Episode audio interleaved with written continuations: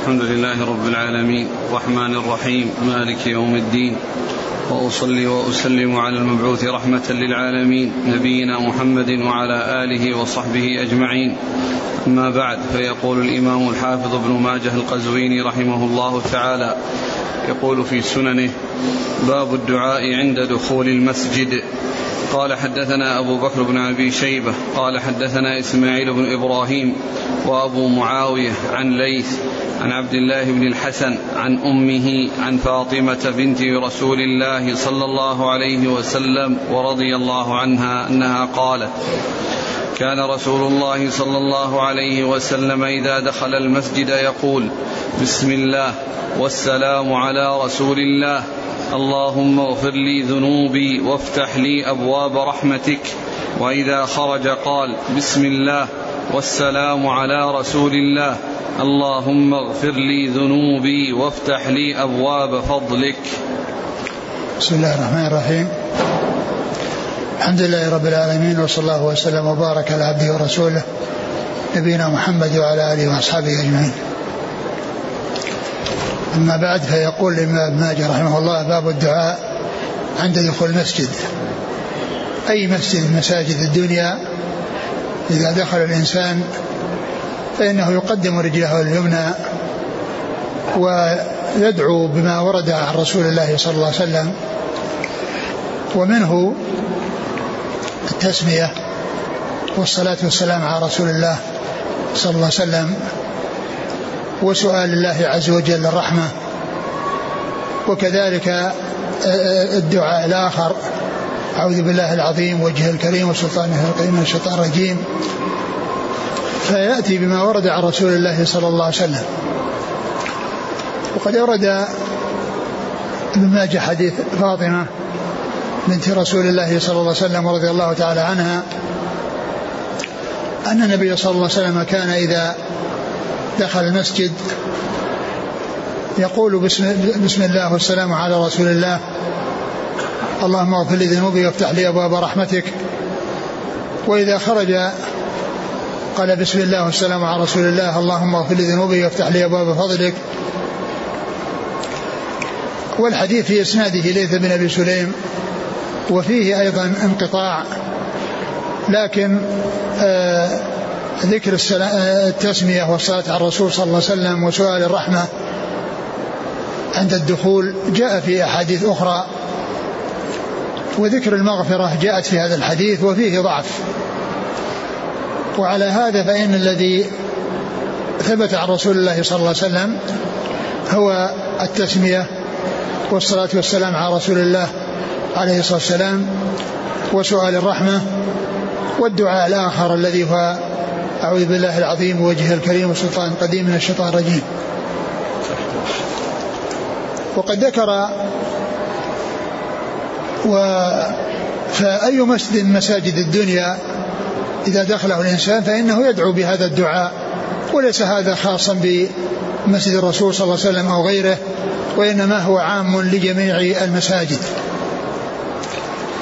وهذا من المواطن التي وردت السنة فيها بالصلاة والسلام على رسول الله صلى الله عليه وسلم. يعني عند دخول المساجد وعند الخروج منها ويصلى ويسلم على رسول الله صلوات الله وسلامه وبركاته عليه. وذكر عند الدخول سؤال الله الرحمة وأن يفتح له أبواب الرحمة وأن يتفضل عليه بالرحمة. وذلك أن الإنسان إنما جاء يرجو رحمة الله ويسأل الله عز وجل الرحمة والمغفرة لأنه جاء المسجد يرجو ثواب الله. ويخشى عقاب الله فهو يرجو الرحمة من الله سبحانه وتعالى. وأما عند الخروج فإنه يسأل الله عز وجل من فضله. يعني فهو في دخوله يريد الرحمة وأن يرحمه الله عز وجل ويتفضل عليه بالرحمة فيكون ذلك خير ما يحصله الإنسان في آخرته بأن يكون قد رحمه الله عز وجل وتجاوز عنه. وعند خروجه من المسجد يسأل الله من فضله وهو أن يحصل أن يحصل الرزق الحلال والكسب الطيب. ولهذا جاء ذكر فضل الله عز وجل وابتغاء فضل الله عز وجل في يراد به طلب الرزق. كما قال الله عز وجل فإذا, فإذا قضي الصلاة فانتشروا في الأرض وابتغوا من فضل الله. وابتغوا من فضل الله يعني بعد صلاة الجمعة وبعد أن يخرج الإنسان من المسجد فإنه يسأل الله من فضله. وكذلك هنا إذا خرج من أي مسجد فإنه يسأل الله من فضله أي الرزق الحلال. الرزق الطيب لأن لأنه خرج من المسجد ويسأل الله عز وجل أن يحصل الخير الذي ينفعه في دينه في, في, في دنياه والذي يكون عونا له على طاعة الله سبحانه وتعالى. ولهذا جاء في الجمعة وابتغوا من فضله وكذلك جاء في اللهم إني أسألك من فضلك يعني بعد ما يخرج من المسجد أي مسجد وكذلك جاء في الحج ليس عليكم جناح أن تبتغوا فضلا من ربكم يعني بكون الإنسان يتجر فيأتي بسلع يبيعها ويربح فيها ويشتري سلعا يذهب بها إلى بلده ويبيعها ويربح فيها. والله عز وجل ذكر في كتابه أن الله عز وجل يعني يسخر للناس البحر ويزجي لهم الفلك ليبتغوا من فضل الله عز وجل أي للمكاسب والتجارات وتحصيل الأموال الطيبة. فناسب عند دخول المسجد سؤال الرحمة وناسب عند خروج منه سؤال الله عز وجل من فضله وهو الرزق الطيب والرزق الحلال. نعم. قال حدثنا أبو بكر بن أبي شيبة ثقة أخرج أصحاب الكتب إلا الترمذي.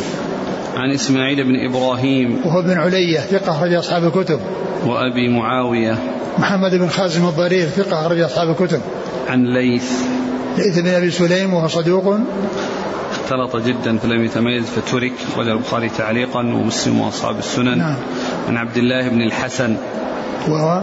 ثقة أخرج أصحاب السنن. نعم. عن أمه فاطمة بنت الحسين وهي ثقة أخرج أبو داود والترمذي والنسائي في مسند علي وابن ماجه. نعم. عن فاطمة بنت رسول الله. فاطمة بنت رسول الله صلى الله عليه وسلم أخرج لها أصحاب الكتب الستة. اللي في الحديث السلام على رسول الله. لأنه الصلاة والسلام لأن أحيانا يذكر السلام دون الصلاة وأحيانا تذكر الصلاة دون السلام والمقصود الجمع بينهما. يعني فيصلى ويسلم على رسول الله عليه الصلاة والسلام. بسم الله والصلاة والسلام على رسول الله. قال حدثنا عمرو بن عثمان بن سعيد بن كثير بن دينار الحمصي وعبد الوهاب بن الضحاك. قال حدثنا إسماعيل بن عياش عن عمارة بن غزية عن ربيعة بن أبي عبد الرحمن عن عبد الملك بن سعيد بن سويد الأنصاري عن أبي حميد الساعدي رضي الله عنه أنه قال قال رسول الله صلى الله عليه وسلم إذا دخل أحدكم المسجد فليسلم على النبي صلى الله عليه وسلم ثم ليقل اللهم افتح لي أبواب رحمتك وإذا خرج فليقل اللهم إني أسألك من فضلك وهذا مثل الذي تقدم عند دخول المسجد يسلم على الرسول صلى الله عليه وسلم ويصلي عليه ويسأل الله من يسأل الله رحمته وإذا خرج يصلي ويسلم على الرسول صلى الله عليه وسلم ويسأل الله من فضله فهو مثل الذي قبله. نعم. قال حدثنا عمرو بن عثمان بن سعيد بن كثير بن دينار. هو صدوق أخرج له. أبو داود والنسائي بن ماجه. نعم. وعبد الوهاب بن الضحاك. وهذا من الأمثلة التي فيها أن الراوي عن الشخص يذكر شيخه كما يريد. إن شاء أن يطيل في نسبه أطال وإن شاء أن يختصر اختصر وهنا قد أطال ابن ماجه في نسب شيخه وذكر نسبه و وأحيانا يختصر الراوي اسم شيخه. ولهذا إذا زيد في بيان ذلك الراوي في نسبه فإنه يقال هو أو يعني ابن فلان حتى لا يكون أضيف إلى الراوي أو التلميذ كلاما لم يقله لأنه إنما اقتصر على كلمة أو كلمتين. فمن أراد أن يوضح ممن دون التلميذ فإنه يأتي بجملة تميز أو تبين أن هذا الكلام ليس من التلميذ. وإنما هو ممن دون التلميذ فيأتي بكلمة هو ابن فلان أو يعني فلان وهكذا. وهذا من دقة المحدثين وعنايتهم وتمييزهم بين الشيء الذي يكون من التلميذ والشيء الذي يكون ممن دون التلميذ من أجل الإيضاح والبيان ودفع الالتباس. نعم. عبد الوهاب بن الضحاك. هو؟ متروك أخرجه ابن ماجه. نعم. عن إسماعيل بن عياش. وهو صدوق في آه، حجة في روايته عن الشاميين بخلاف روايته عن غيرهم وهذا من غير رواية غير من غير الشاميين لأنه يروي عن عمارة بن غزية وهو وهو مدني إيش قال فيه؟ ثقة. ثقة لا بأس بعمارة. نعم. لا بأس به أخرج البخاري تعليقا ومسلم وأصحاب السنن. نعم. وإسماعيل أخرج له البخاري في رفع اليدين وأصحاب السنن. نعم. عن ربيعة بن أبي عبد الرحمن. وهو ثقة أخرج أصحاب الكتب. عن عبد الملك بن سعيد بن سويد. وهو؟ ثقة أخرج له مسلم وأبو داود والنسائي بن ماجه. عن أبي حميد الساعدي. رضي الله عنه أخرج له أصحاب الكتب.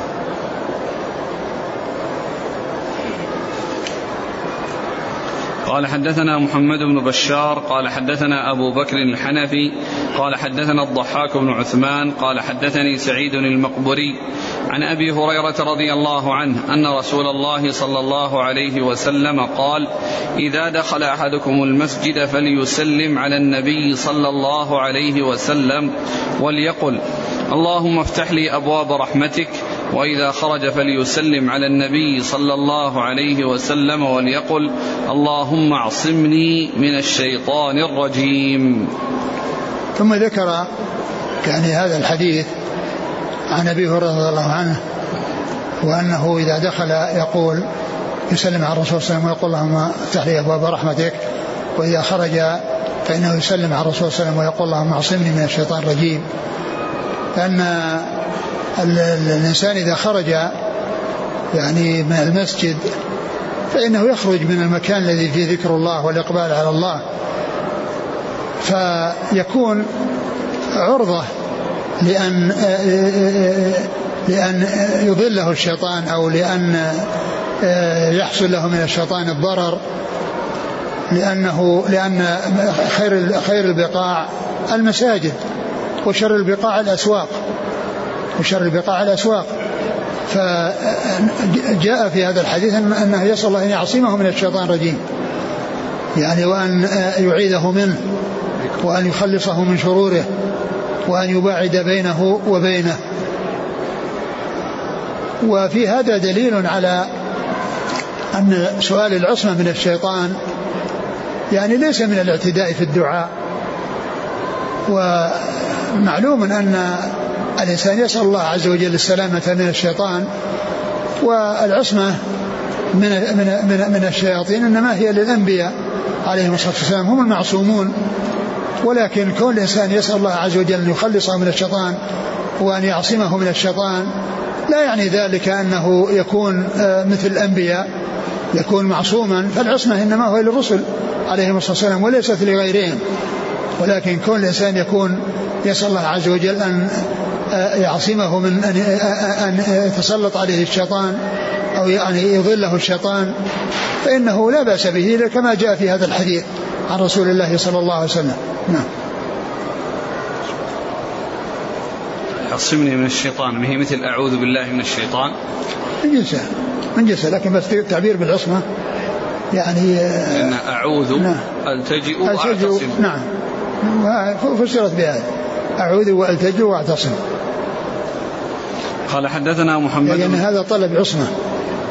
يعني هنا قال الله اعصمني نعم. قال حدثنا محمد بن بشار هو الملقب من دار ثقة أخرج أصحاب كتب عن أبي بكر الحنفي هو عبد الكبير ابن عبد المجيد. وهو ثقة. رجل أصحاب الكتب. نعم. عن الضحاك بن عثمان. وهو صدوق يهم. رجله مسلم وأصحاب السنن. نعم. عن سعيد المقبوري. وهو ثقة أخرج أصحاب الكتب. عن أبي هريرة. رضي الله عنه عبد الرحمن بن صخر الدوسي أكثر الصحابة حديثا.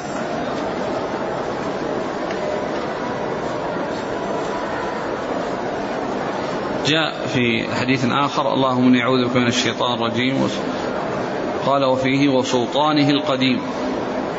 إيه جاء جاء في الحديث أشرت إليه. أعوذ بالله العظيم وجه الكريم والسلطان القديم من الشيطان الرجيم. السؤال عن تسمية الله بكلمة القديم. ما جاء تسمية الله بالقديم؟ جاء بتسمية تسمية الله بالأول الذي يدل على أن كل شيء آيل إليه وراجع إليه. وأما القديم فإنه ما ورد. ما ورد. وإنما يعني سلطانه وكون الله عز وجل ملكه يعني آه، كل شيء ملكه وهو الخالق لكل شيء وهو الموجد لكل شيء يعني ومعلوم أن الله عز وجل يخلق ما يشاء يعني آه، يخلق ما يشاء ويفعل ما يريد.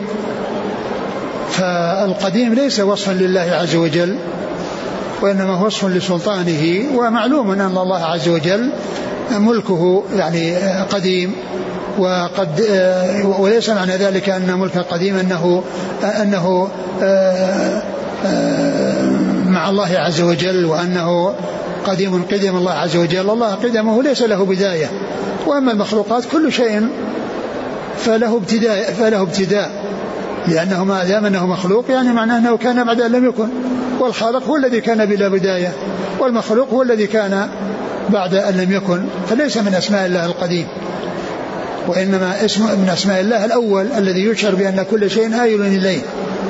وأما كلمة القديم فإنها جاءت في هذا الحديث لكنها لا لا يقال أن فيها إثبات اسم من أسماء الله. هل يجمع في الدعاء عند الخروج بين اللهم إني أسألك من فضلك اللهم اعصمني من الشيطان الرجيم. نعم يمكن. يقول هناك من العلماء من يرى الاقتصار على السلام على النبي صلى الله عليه وسلم دون الصلاة عليه لهذه الأحاديث ولعدم ورود لفظ الصلاة فيها. فهل لهذا وجه؟ الله عز وجل يقول يا أيها الذين صلوا, صلوا عليه وسلموا تسليما. يجمع بين الصلاة والسلام على الرسول صلى الله عليه وسلم. يجمع بين الصلاة والسلام على الرسول صلى الله عليه وسلم. والصلاة يعني كما كما ذكرت يعني أحيانا يذكر السلام والمراد معها الصلاة وأحيانا تذكر الصلاة ومعها السلام. مثل الحديث الذي يقول آآ آآ وصلوا علي فإن صلاتكم تبلغني وفي بعض الحديث تسليمكم يبلغني. يعني الصلاة والسلام مع بعض يقرن بينهما ويجمع بينهما كما أمر الله عز وجل بالجمع بينهما. فقال يا أيها الذين صلوا عليه وسلموا تسليما. وهذا جاء في ذكر الصلاة وجاء ذكر السلام لكن في هذا الحديث فيها ذكر السلام اللي معنا. قال رحمه الله تعالى باب المشي إلى الصلاة. قال حدثنا أبو بكر بن أبي شيبة قال حدثنا أبو معاوية عن الأعمش عن أبي صالح عن أبي هريرة رضي الله عنه أنه قال قال رسول الله صلى الله عليه وعلى آله وسلم إذا توضأ أحدكم فأحسن الوضوء ثم أتى المسجد لا ينهزه إلا الصلاة لا يريد إلا الصلاة لم يخطو خطوة إلا رفعه الله بها درجة وحط عنه بها خطيئة حتى يدخل المسجد. فإذا دخل المسجد كان في صلاة ما كانت الصلاة تحبسه. ثم ذكر المشي إلى الصلاة. يعني أن الإنسان يذهب إلى صلاة الجماعة وله في ذلك الأجر العظيم لأن كل خطوة يخطوها يرفع له بها درجة ويحط عنه بها خطيئة. ورد في هذا الحديث أن النبي صلى الله عليه وسلم قال إذا توضأ الإنسان فأحسن الوضوء. يعني أتمه وأتى به على الوجه الذي شرع الله عز وجل وبينه رسوله صلوات الله وسلامه وبركاته عليه. ذكره الله في كتابه وبينه رسول الله صلى الله عليه وسلم في سنته. فإنه آه، إذا إذا توضأ فأحسن الوضوء ثم خرج إلى المسجد لا ينهزه إلا الصلاة. يعني الذي يدفعه ويحركه ويجعله يخرج من بيته هو الذهاب إلى المسجد لأداء الصلاة. يرجو ثواب الله ويخشى عقاب الله. لم يخطو خطوة إلا رفع له بدرجة وحط عنه بها خطيئة. وكلما بعد الإنسان عن المسجد فإنها تكثر خطاه وتكثر درجاته كما سيأتي في بعض الأحاديث الدالة التي الدالة على ذلك والتي ذكرها ابن ماجه. فإذا دخل المسجد فإنه في صلاة ما دامت الصلاة تحبسه. يعني أن الإنسان إذا دخل المسجد وينتظر الصلاة فهو مأجور في هذا المكث وهو في صلاة يعني ما دامت الصلاة تحبسه. يعني معناه أنه في حكم المصلي. ولهذا عليه أن يعني آه، يكون مقبلا على الله عز وجل ولا يتشاغل بأمور أخرى. ليس ليست من شأن الصلاة بل يقرأ القرآن أو يذكر الله عز وجل أو يسبح ويهلل ويسأل الله من خير الدنيا والآخرة ولا يشتغل بشواغل أخرى حتى يكون كما بين النبي صلى الله عليه وسلم أنه في صلاة. لأن لأنه ما دامت الصلاة تحبسه فهو في صلاة يعني أنه مأجور كما يؤجر المصلي لأنه في هذه الحالة في صلاة.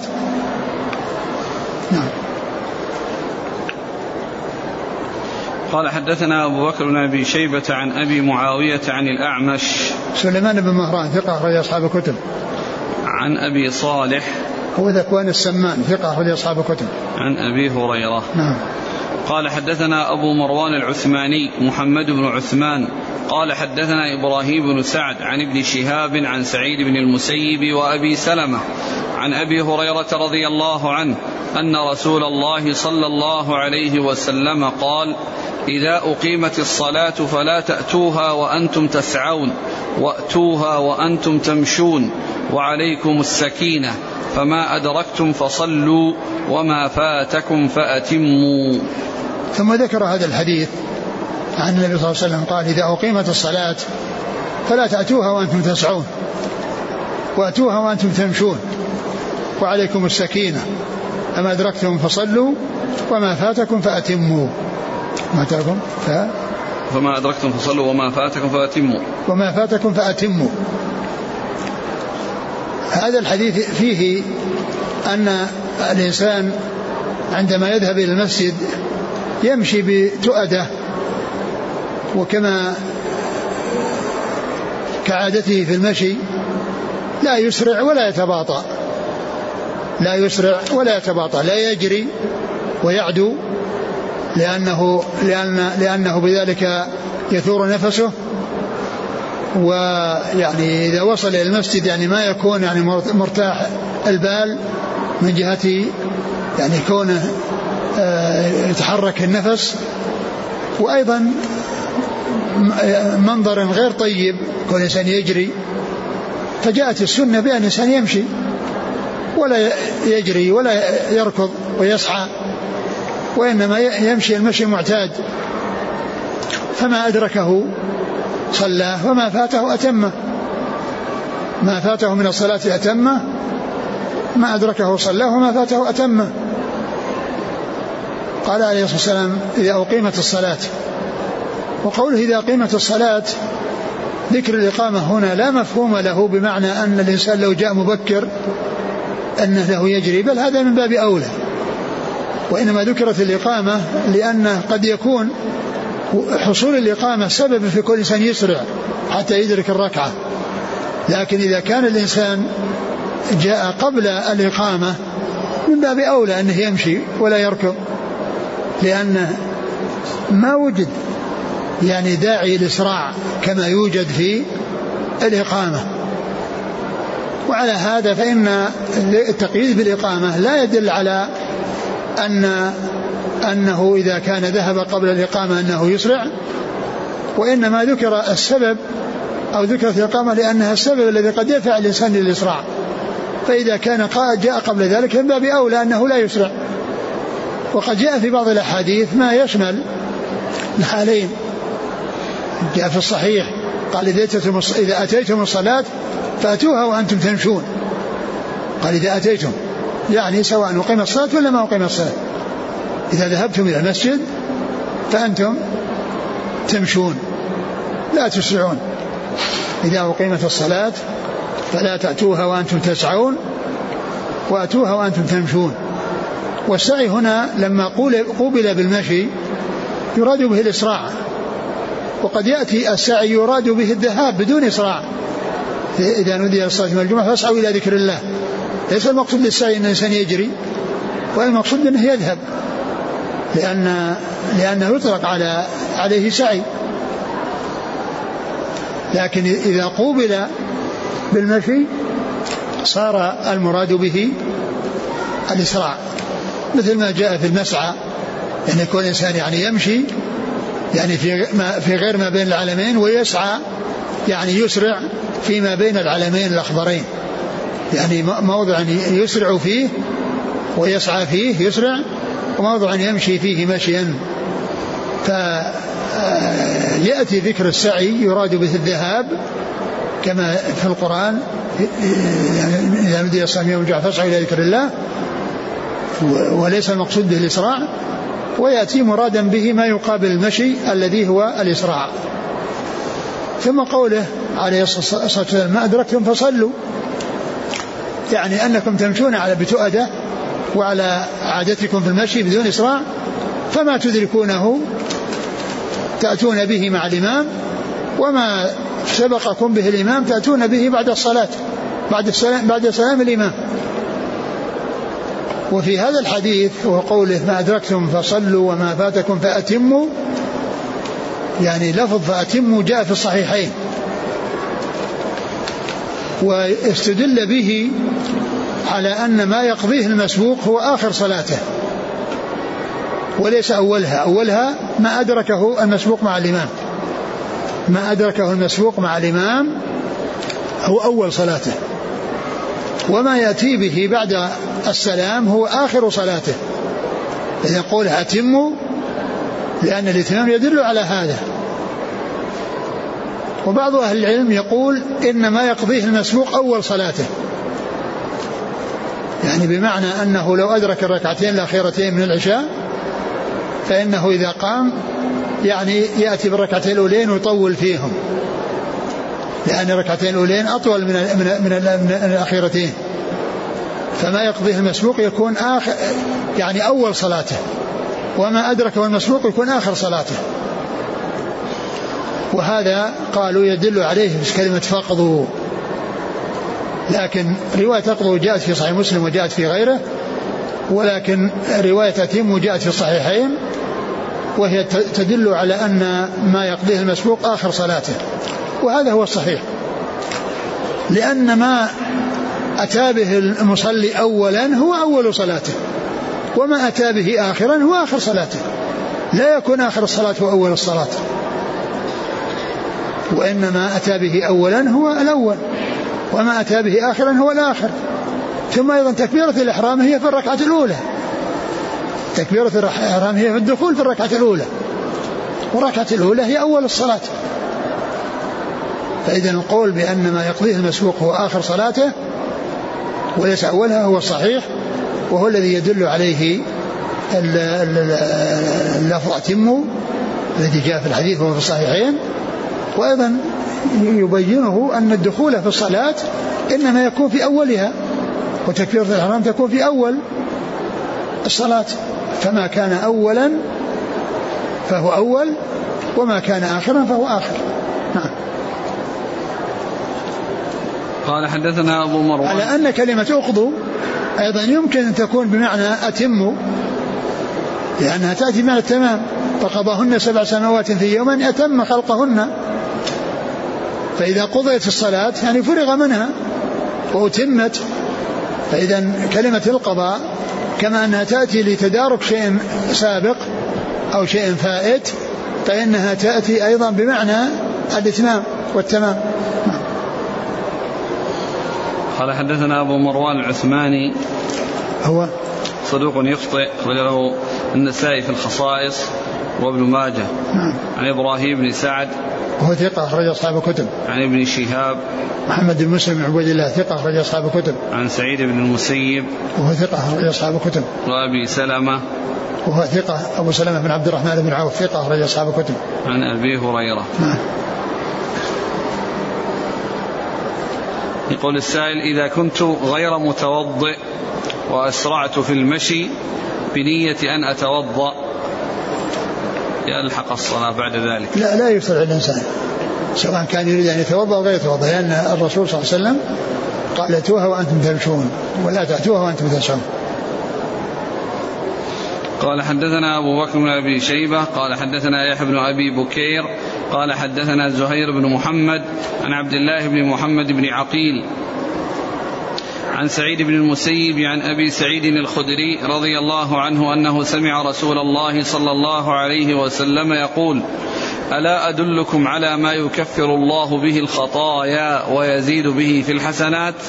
قالوا بلى يا رسول الله. قال إسباغ الوضوء عند المكاره وكثرة الخطى إلى المساجد وانتظار الصلاة بعد الصلاة. ثم ذكر هذا الحديث عن النبي صلى الله عليه وسلم أنه قال لا أدلكم على ما يمحو الله به الخطايا ويرفع به الدرجات. قالوا بلى يا رسول الله. وهذا القول الذي يسبق البيان هذا فيه تنبيه للاستعداد والتهيؤ للشيء الذي سيلقى على الإنسان الذي يخاطب بمثل هذا الخطاب. لأنه لو جاء الكلام بدون هذا التمهيد قد لا يكون انتبه له كما ينتبه له مع وجود التمهيد. لكن إذا علم يعني هذا لما أتي بهذا التمهيد ألا أدلكم على كذا الذي يحصل بكذا وكذا يجعل الإنسان يتهيأ ويستعد لمعرفة هذا الأمر المهم الذي قيل فيه هذا القول والذي وصف بهذا الوصف وهذا من بيانه عليه الصلاة والسلام وفصاحته وبلاغته وكمال نصحه لأمته عليه أفضل الصلاة وأتم التسليم. ثم قال إسباغ الوضوء على المكاره. إسباغ الوضوء على المكاره.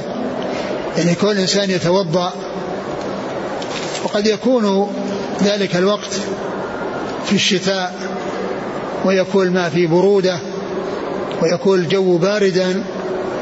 فإن هذا من الشيء الذي يعني آه، تكره النفوس.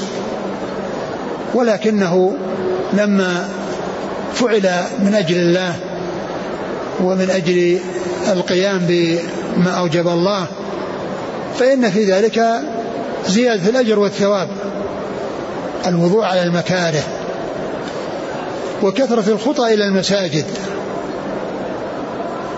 كثرة الخطى إلى المساجد وذلك بالذهاب لا سيما إذا كانت المسافة طويلة. وانتظار الصلاة بعد الصلاة. يعني كون الإنسان ينتظر يذهب لصلاة وينتظر الصلاة الأخرى التي بعدها أو أنه مشغول بالمسجد ومعلق قلبه المسجد. لو خرج المسجد فإنه مشغول بمتى يرجع إليه لأن قلبه معلق به ولأنه حريص على حضور الجماعة وعدم فواتها. فيدخل فيه كون الإنسان يبقى في المسجد وهو في صلاة كما عرفنا كما جاء في الحديث ما دام ينتظر الصلاة وكذلك أيضا يعني آه، آه، كونه ينتظر الصلاة وكونه أيضا إذا رجع آه، مشغول البال ومهموم في آه، الرجوع وأنه في انتظار وقت الصلاة حتى يرجع إلى المسجد مرة أخرى.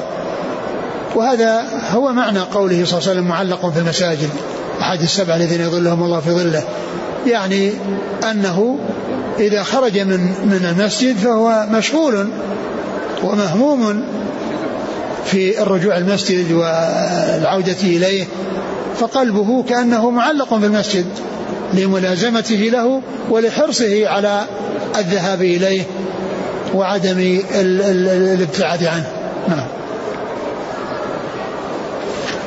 قال حدثنا أبو بكر بن أبي شيبة عن يحيى بن أبي بكير. وهو ثقة أخرج له. أصحاب الكتب. نعم. عن زهير بن محمد. وهو ثقة أخرج أصحاب الكتب. عبد الله عبد الله بن محمد هكذا صدوق في حديثه لين. أخرج له. البخاري في المفرد وأبو داود والترمذي وابن ماجه. نعم. عن سعيد بن المسيب عن أبي سعيد الخدري. أبو سعيد الخدري سعد بن مالك بن سنان.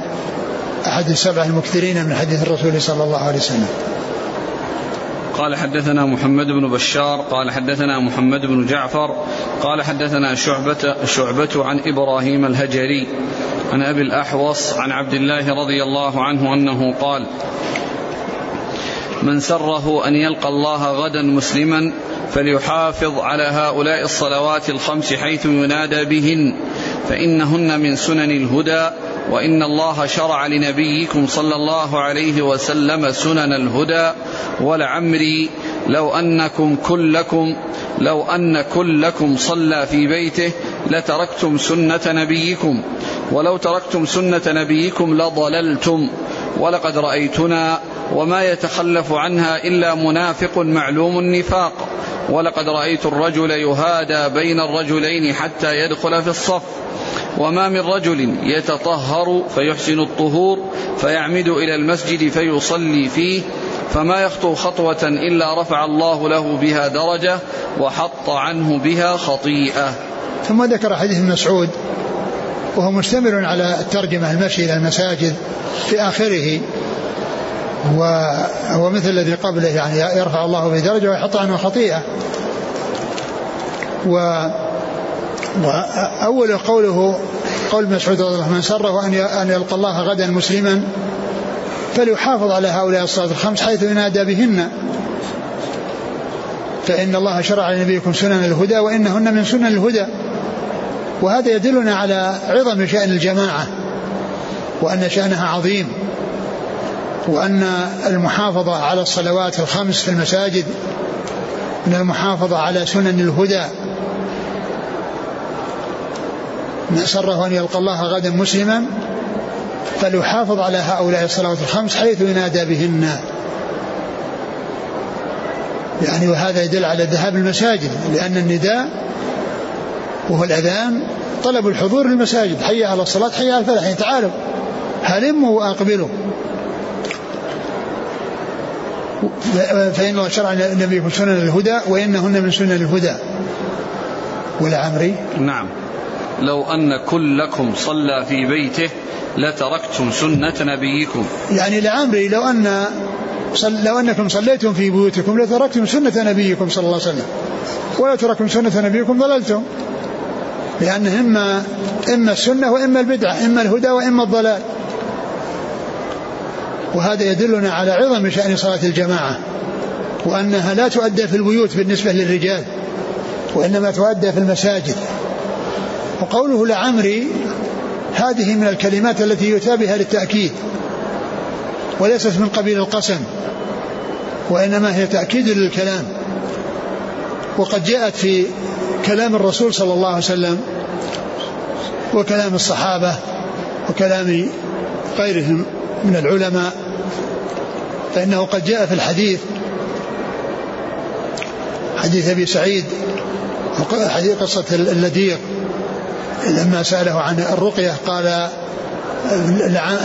قال لعمري لمن أكل برقية باطلا لقد أكلت برقية حقا.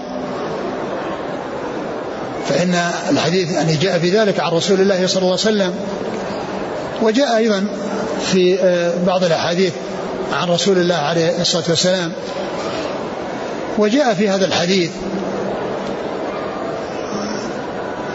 يعني لعمري وجاءت في كلام عائشة رضي الله عنها حيث قالت لعمري ما أتم الله حج وعمرة من لم يسعى بين الصفا والمروة. ف الحاصل أنها جاءت في كلام الله كلام الرسول صلى الله عليه وسلم وكلام أصحابه أو بعض أصحابه رضي الله تعالى عنهم وأرضاهم. وهي ليست من القسم وإنما هي من قبيل الألفاظ المؤكدة. التي يؤكد بها الكلام.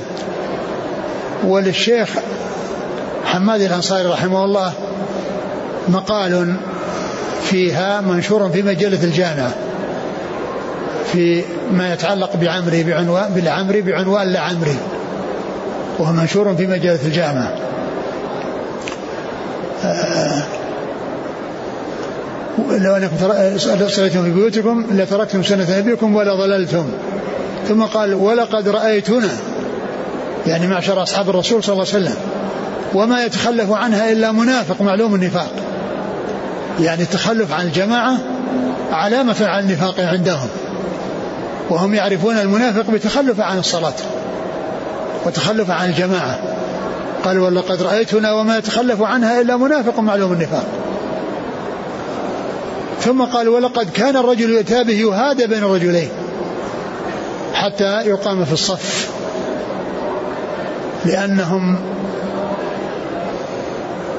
وإن كانوا معذورين لو تخلفوا إذا كان إنسان مريضا إلا أنهم لحرصهم على عمارة المساجد والذهاب إلى المساجد وتحصيل أجر من الله عز وجل لا يمنعهم ما هم فيه من المرض من أن يعني يذهبوا إلى المساجد. ولو كان الإنسان لا يستطيع المشي بنفسه بل هو بحاجة إلى من يعضده من يمينه أو شماله ورجله تخط لا يستطيع أن يقوم على رجليه. وذلك أنهم يعلمون الأجر. ولهذا جاء في قصة المنافقين قال عليه الصلاة والسلام أثقل الصلاة على المنافقين صلاة العشاء وصلاة الفجر ولا يعلمون ما فيه من أجل أتوهما ولو حبوا. ولا يعلمون ما فيه من أجل لأتوهما ولو حبوا يعني لو كانوا مرضى لا يستطيعون الذهاب إلا بالحبو فإنهم يفعلون. وهكذا كان أصحاب رسول الله صلى الله عليه وسلم كما بينه ابن مسعود. ولقد كان رجل يؤتى به يهادى بين رجلين حتى يقام في الصف. يعني ما يستطيع من شدة المرء أن يذهب على رجليه وأن يمشي على رجليه. نعم. وقد جاء عن عبد الله بن عمر رضي الله عنه أنه قال كنا إذا افتقدنا الرجل في صلاة العشاء اتهمناه. كنا إذا افتقدنا الرجل في صلاة العشاء اتهمناه. يعني اتهمناه بالنفاق. يتهم بأنه منافق. الذي يتخلف عن الصلاة. نعم. وما من رجل يتطهر فيحسن الطهور فيعمد إلى المسجد فيصلي فيه فما يخطو خطوة إلا رفع الله له بها درجة وحط عنه بها خطيئة. وهذا مثل ما تقدم في أول حديث. نعم. قال حدثنا محمد بن بشار عن محمد بن جعفر. هو الملقب وندر ثقة أخرج أصحاب الكتب. عن شعبة ابن الحجاج ثقة أخرج أصحاب الكتب. عن إبراهيم الهجري. هو؟ لين الحديث قال ابن ماجه. عن أبي الأحوص. هو الحديث هذا في صحيح مسلم. حديث لكن ليس فيه العمري كلمة العمري ليست موجودة في صحيح مسلم وإلا فباقيه في صحيح مسلم. آه، أخرج له ابن ماجه بعده. أبو الأحوص هو عوف بن مالك بن نضلة وهو ثقة أخرج البخاري المفرد ومسلم وأصحاب السنن. نعم. عن عبد الله. عبد الله بن مسعود رضي الله عنه أخرج أصحاب الكتب. قوله وما من رجل يتطهر فيحسن الطهور فيعمد إلى المسجد فيصلي فيه. هل يدخل في الحكم من خرج من بيته للمسجد لا يخرجه إلا الصلاة ولكن سيتوضأ في المسجد. لم يتوضأ في بيته. هو كونه يتوضأ في بيته يعني هذا هو الذي آه، جاءت الأحاديث أن الإنسان تطهر فأحسن الوضوء ثم خرج. ثم خرج. إذا كان البيت يعني آه، وإذا كان الذهاب المسجد يعني لأنه يعني ما عنده ماء أو أنه أو بسبب يعني يقتضي هذا ما في إشكال. لكن ما دام الماء موجود فإنه يتوضأ في بيته ويذهب حتى يعني يكون انطبق في حقه هذا الذي جاءت به الأحاديث عن رسول الله صلى الله عليه وسلم. ولا شك أن كل من يذهب إلى المسجد هو على خير. يعني ولو توضأ من من من مطاهر المسجد. قال حدثنا محمد بن سعيد بن يزيد بن إبراهيم التستري. قال حدثنا الفضل بن الموفق أبو الجهم. قال حدثنا فضيل بن مرزوق عن عطية عن أبي سعيد الخدري رضي الله عنه أنه قال قال رسول الله صلى الله عليه وسلم من خرج من بيته إلى الصلاة فقال اللهم إني أسألك بحق السائلين عليك وأسألك بحق ممشاي هذا فإني لم أخرج اشرا ولا بطرا ولا رياء ولا سمعة وخرجت اتقاء سخطك وابتغاء مرضاتك فأسألك أن تعيذني من النار وأن تغفر لي ذنوبي إنه لا يغفر الذنوب إلا أنت أقبل الله عليه بوجهه واستغفر له سبعون ألف ملك. ثم ذكر هذا الحديث أنه من خرج إلى المسجد فقال اللهم إني أسألك بحق السائلين عليك وبحق ممشاي هذا فإني لم أخرج اشرا ولا بطرا ولا رياء ولا سمعة وإنما خرجت اتقاء سخطك وابتغاء مرضاتك. ف يعني هذا الحديث فيه توسل بحق السائلين على الله عز وجل وبحق ممشى الإنسان نفسه وأنه لم يخرج أشرا ولا بطرا ولا تكبرا ولا يعني آه وإنما خرج خضوعا وذلا ورجاء لثواب الله وخشية من عقاب الله عز وجل. والحديث فيه ذكر التوسل والحديث غير صحيح ولو صح فإن ليس فيه توسل بأشخاص وإنما هو توسل بحق السائلين. وحق السائلين هو الإجابة. والله عز وجل من أسمائه المجيب ومن صفاته الإجابة أنه يجيب السائلين. فلو صح الحديث فإنه توسل بصفات الله عز وجل وليس توسلا بذوات وأشخاص. فلا يدل فهو غير ثابت من حيث السند. ولو صح فإنه ليس فيه متعلق لمن يتوسل بالأشخاص. ولم يثبت سنة عن رسول الله صلى الله عليه وسلم بالتوسل بالأشخاص. أسألك بجاه فلان أو أسألك بفلان أو ما إلى ذلك. وإنما الإنسان يتوسل الله بأسمائه وصفاته ويتوسل بمحبته لله ولرسوله صلى الله عليه وسلم وكذلك بأعماله الصالحة كما جاء في حديث الثلاثة الذين أواهم المبيت إلى غار وحديث طويل جاء في الصحيح. وعلى هذا فإن الحديث لم يثبت عن رسول الله صلى الله عليه وسلم فلا يأتي الإنسان بهذا الدعاء لأنه غير ثابت عن رسول الله صلى الله عليه وسلم. ولو صح فإنه يحمل أو أن معناه على خلاف ما يستدل به من يتعلقون أو يستسيغون أو يعملون على التوسل أو يلهجون بالتوسل بالأشخاص لأن هذا ما ثبت فيه سنة عن رسول الله صلى الله عليه وسلم ولا رياء ولا سمعة خالد اتقاء سخطك وابتغاء مرضاتك أسألك أن إيش بعده؟ فإني لم أخرج أشرا ولا بطرا ولا رياء ولا سمعة. وخرجت اتقاء سخطك وابتغاء مرضاتك أسألك أن تعيذني من النار وأن تغفر لي ذنوبي. هذا هو الذي توسل للوصول إليه وهو أن يعيذه الله من النار وأن يغفر له ذنوبه. وإلا إلا إيش؟ إنه لا يغفر الذنوب إلا أنت. أقبل الله عليه بوجهه واستغفر له سبعون ألف ملك. أقبل الله عليه بوجهه واستغفر له سبعون ملك. يعني هذا ثواب ثواب من الله عز وجل بأن الله تعالى يقبل عليه بوجهه ويقبل عمله ويستغفر له سبعون ألف ملك. والحديث غير ثابت عن رسول الله صلى الله عليه وسلم فلا يحتج به ولا يعول عليه. قال حدثنا محمد بن سعيد بن يزيد بن إبراهيم. هو؟ مقبول أخرج له ابن ماجه. نعم. عن الفضل بن الموفق. وهو؟ فيه ضعف أخرج له ابن ماجه. نعم. عن فضيل بن مرزوق. وهو؟ صدوق يهم وللبخاري في رفع اليدين ومسلم وأصحاب السنن. نعم. عن عطية. وهو العوفي وهو؟ صدوق يخطئ كثيرا البخاري وأدب المفرد وأبو داود والترمذي وابن ماجه. نعم. عن أبي سعيد الخدري. نعم. وأسألك بحق ممشاي هذا. هو نفسه مثل مثل حق السائلين عليك اللي هو الإجابة. حق الممشى. إجابة؟ نعم يعني يعني حق السائلين هو الإجابة. إيه لكن حق الممشى. يعني حق الممشى هو يعني هو أولا كما عرفنا غير غير صحيح. فلا يعني يعول عليه لا, لا في هذا ولا في هذا. لكن يعني ال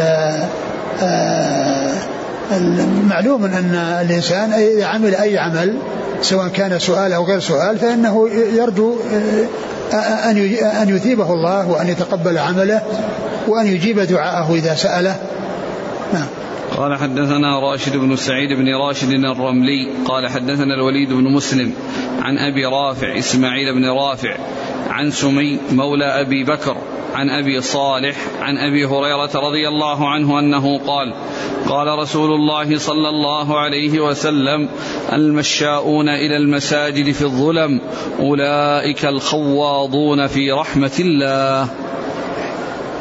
ثم ذكر هذا الحديث آه المشاؤون.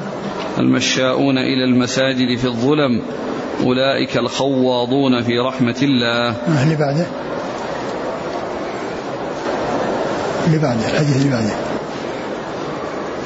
قال حدثنا إبراهيم بن محمد الحلبي قال حدثنا يحيى بن الحارث الشيرازي قال حدثنا زهير بن محمد التميمي عن أبي حازم عن سهل بن سعد الساعدي رضي الله عنهما أنه قال قال رسول الله صلى الله عليه وسلم ليبشر المشاؤون في الظلم إلى المساجد بنور تام يوم القيامة.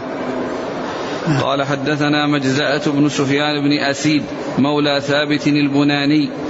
قال حدثنا سليمان بن داود الصائغ عن ثابت البناني عن أنس بن مالك رضي الله عنه أنه قال قال رسول الله صلى الله عليه وسلم بشر المشائين في الظلم إلى المساجد بالنور التام يوم القيامة. ثم ذكر هذه الأحاديث الدالة على أن الإنسان الذي يحرص على صلاة الجماعة ويذهب إليها ليلا ونهارا لا سيما في ظلام الليل وفي شدة البرد. فإن الله عز وجل يثيبه بأن يعوضه في الآخرة نورا تاما لأنه مشى في ظلام لعبادة الله. فيعوضه الله عز وجل بأن يأتي أن يحصل شيء يقابل هذا الذي حصل له وهو كونه يمشي في الظلام فيأتي ما يقابله وهو النور الذي يحصل له في الدار الآخرة. لأن لأن هذا فيه مقابلة ويشعر بالشيء الذي آه، آه، حصل له عمل حصل له وهو المشي بالظلمة فينتج عن ذلك أنه يحصل نورا تاما يوم القيامة. فهذه الحياة تدل على فضل المشي إلى المساجد في جميع الأوقات ولا سيما في صلاة العشاء والفجر لأنها هي التي تكون فيها الظلام. لأن الظلام يكون في المغرب في العشاء والفجر وليس في المغرب لأن المغرب يعني فيها فيه نور وفي ضياء ولكن العشاء والفجر هي اللي في الظلمة ولهذا جاء في الحديث أن المنافقين هي أثقل الصلاة عليهم صلاة العشاء وصلاة الفجر.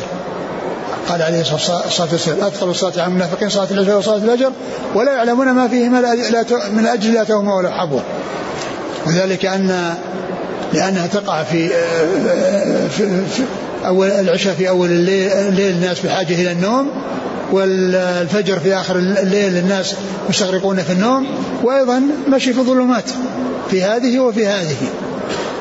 فإذا في هذا بيان فضل الذهاب إلى المساجد وأن من يمشي في الظلمات إلى المساجد يحصل الأجر العظيم وأنه يحصل النور التام في مقابل مشيه في الظلم. أثابه الله عز وجل على مشي في الظلم أن يمشي في نور وفي إضاءة وذلك تفضل من الله عز وجل وإحسان ليس مقابلة للأعمال لأن الإنسان لا يحصل الأجر في مقابل عمله.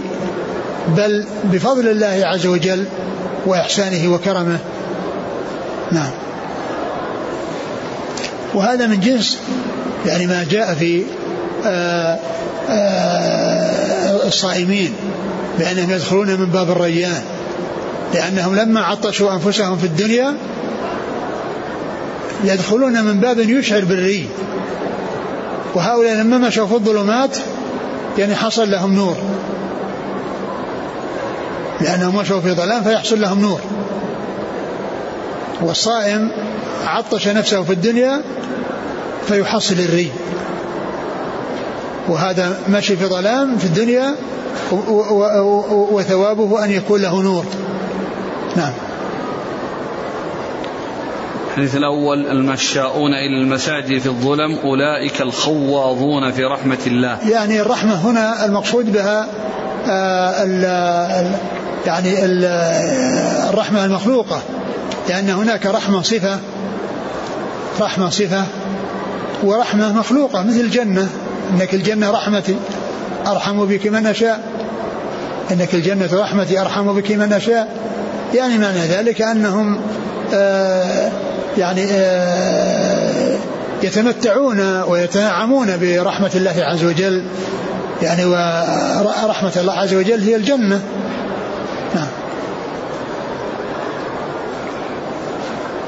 لكن من حيث. قال حدثنا راشد بن سعيد بن راشد الرملي هو؟ صدوق رجل ابن ماجه نعم. عن الوليد بن مسلم.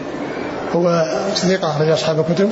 عن أبي رافع إسماعيل بن رافع. وهو ضعيف. ضعيف أخرج البخاري في المفرد والترمذي وابن ماجه. نعم. عن سمي مولى أبي بكر. مولى أبي بكر بن عبد الرحمن بن حارث بن هشام وهو يقال له مولى بن عباس لملازمته له. يعني مولاه لملازمته له وإلا فإنه مولى أبي بكر بن عبد الرحمن بن الحارث بن هشام وهو ثقة أخرج أصحاب الكتب. نعم. عن أبي صالح عن أبي هريرة. نعم. قال حدثنا إبراهيم بن محمد الحلبي هو صدوق يخطئ أخرجه ابن ماجه. نعم. عن يحيى بن الحارث الشيرازي وهو؟ مقبول أخرجه ابن ماجه. نعم. عن زهير بن محمد التميمي عن أبي حازم. أبو حازم. سلمة سلمة بن دينار الأعرج ثقة نعم. أخرجه أصحاب الكتب. عن سهل بن سعد الساعدي. رضي الله عنه أخرج أصحاب الكتب. قال حدثنا مجزأة بن سفيان بن أسيد. مقبول أخرج له. بن ماجه. عن سليمان بن داود الصائغ وهو؟ مجهول أخرجه ابن ماجه. نعم. عن ثابت البناني. ثابت بن أسلم البناني ثقة أخرج أصحاب الكتب. عن أنس بن مالك. ما يصلح هذا العمل؟ ما يصلح. يعني هذه ال- المنبهات يعني يعني يقول السائل هل يستدل بالحديث على أنه لا يقال دائما الجزاء من جنس العمل؟ لأن الجزاء هنا نعم صحيح. لأنها آه يعني كثيرا ما يأتي الجزاء من جنس العمل لكنه قد يأتي من غير جنس العمل. كثيرا ما يأتي من غير جنس العمل. لكن العمل يعني جاء من نفس عن مسلم كربة نفس الله عنه من كربة من كرب الدنيا من ستر مسلما ستره الله في الدنيا والآخرة من يسر عن ميسر يسر الله عليه في الدنيا والآخرة من سلك طريقا يلتمس فيه علما.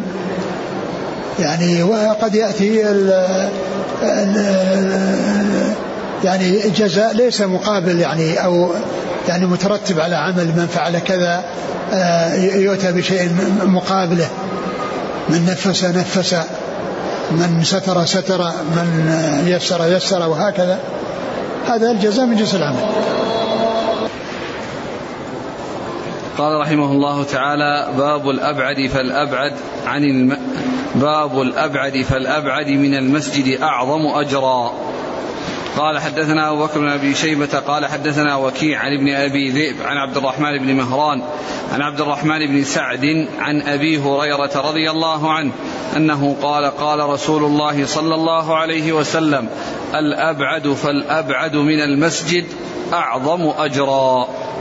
ثم ذكر هذه الترجمة الأبعد الأبعد فالأبعد من المسجد أعظم أجرا. يعني أن كما مر في الأحاديث السابقة أن الإنسان إذا مشى من بيته توضأ وأحسن الوضوء ثم خرج لا يخرجه إلا الصلاة لم يخطو خطوة إلا رفع الله بها درجة وحط عنه بها خطيئة. بين أنه كلما كان الإنسان أبعد فإنه كان أعظم أجرا لأنه بكل خطوة يحط خطيئة ويرفع درجة. وما كان يعني آه، أبعد مكانا فإنه أكثر خطأ. ومن كان دونه فإنه أقل منه خطأ فيكون أقل منه أجرا. فالحديث يدل على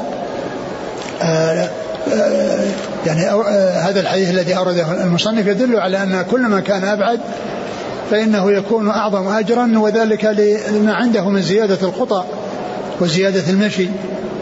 ومعلوم أن كل خطوة فيها رفع درجة وحط خطيئة. فإذا يكون أعظم أجرا. وهذا يدل على أن البعد من المساجد والاحتساب الأجر بالذهاب إليها أن الإنسان يؤجر ويحصل الثواب على ذلك بكل خطوة يخطوها يرفع الله بها درجة ويحطه ويحطها ويحطه بها عنه خطيئة. نعم. قال حدثنا أبو بكر بن أبي شيبة عن وكيع عن ابن أبي ذئب. هو محمد بن محمد بن إبراهيم. محمد بن عبد الرحمن. محمد بن عبد الرحمن بن بن بن المغيرة نعم. ثقة أخرج أصحاب الكتب. عن عبد الرحمن بن مهران. وهو؟ مجهول أخرجه أبو داود بن ماجه. نعم. عن عبد الرحمن بن سعد. وهو؟ ثقة أخرجه مسلم وأبو داود بن ماجه. نعم. عن أبي هريرة. نعم.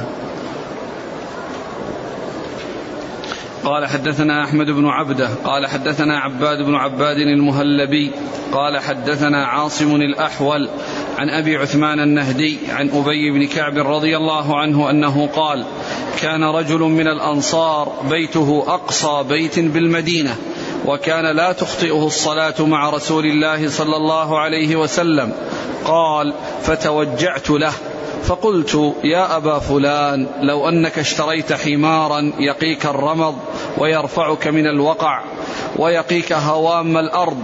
فقال والله ما أحب أن بيتي بطنب بيت محمد صلى الله عليه وسلم. قال فحملت به حملا حتى أتيت بيت النبي صلى الله عليه وسلم فذكرت ذلك له فدعاه فسأله فذكر له مثل ذلك وذكر أنه يرجو في أثره. فقال رسول الله صلى الله عليه وسلم إن لك ما احتسبت. ثم ذكر هذا الحديث في قصة الرجل من الأنصار الذي كان بيته أبعد بيت عن المسجد مسجد الرسول صلى الله عليه وسلم.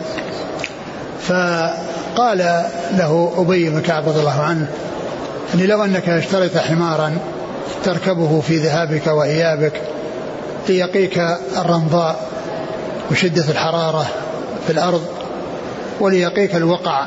يعني يعني ما يحصل من حجارة يعني تكلمه أو تؤثر في رجليه. و, و... وإيش؟ ويقيك هوام الأرض. ويقيك هوام الأرض. يعني ذوات السموم. لا سيما إذا كان في الليل وفي الظلام ولا يرى تلك الحشرات. نعم. فقال والله ما أحب أن بيتي بطنب بيت محمد يعني ما أحب أن يكون بيتي بجوار المسجد. وما أحب أن يكون بجوار المسجد وأنه بطنب الطنب يعني هو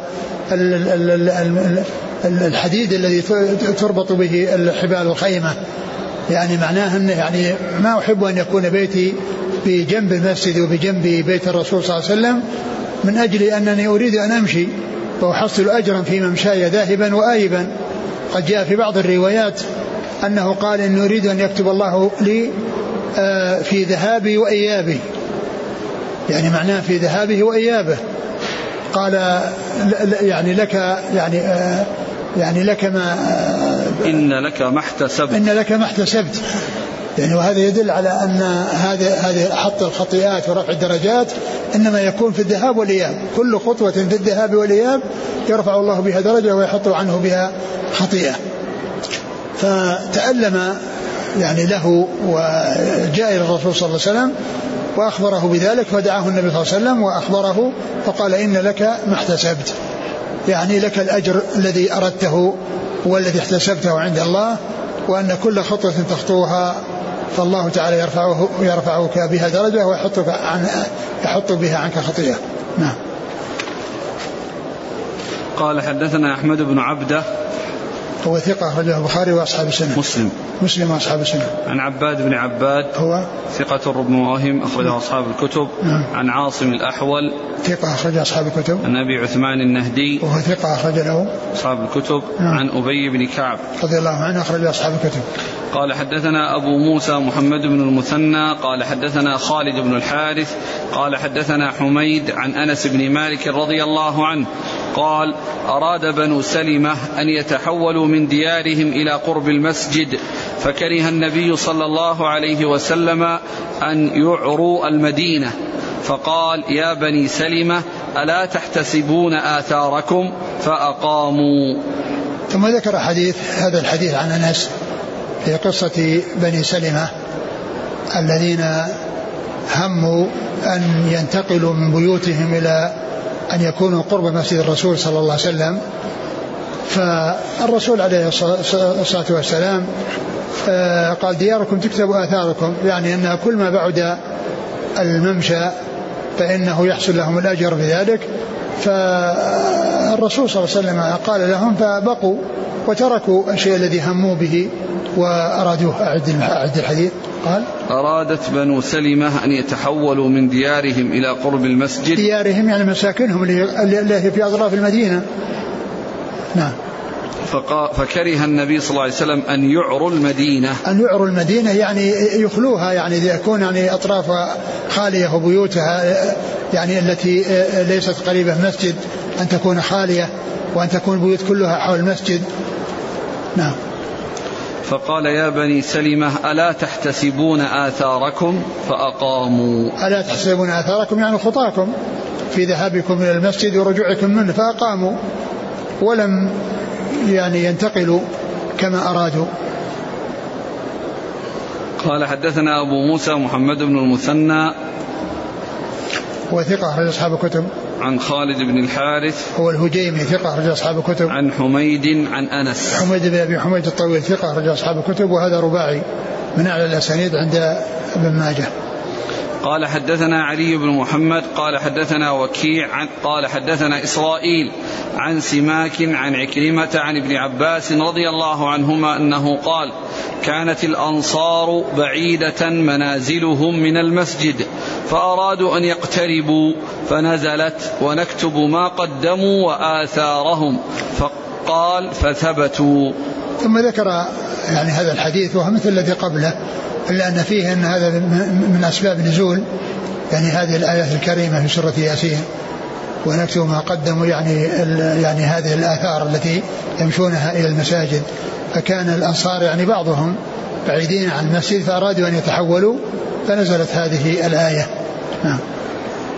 قال حدثنا علي بن محمد التنافسي ثقة أخرجه النسائي مسجد علي وابن ماجه. عن وكيع عن إسرائيل. إسرائيل ثقة أخرج أصحاب الكتب. عن سماك. صدوق أخرج البخاري تعليقا ومسلم أصحاب السنة. عن عكرمة. ثقة أخرج أصحاب الكتب. عن ابن عباس. والله تعالى أعلم وصلى الله وسلم وبارك على عبده ورسوله نبينا محمد وعلى آله وأصحابه أجمعين.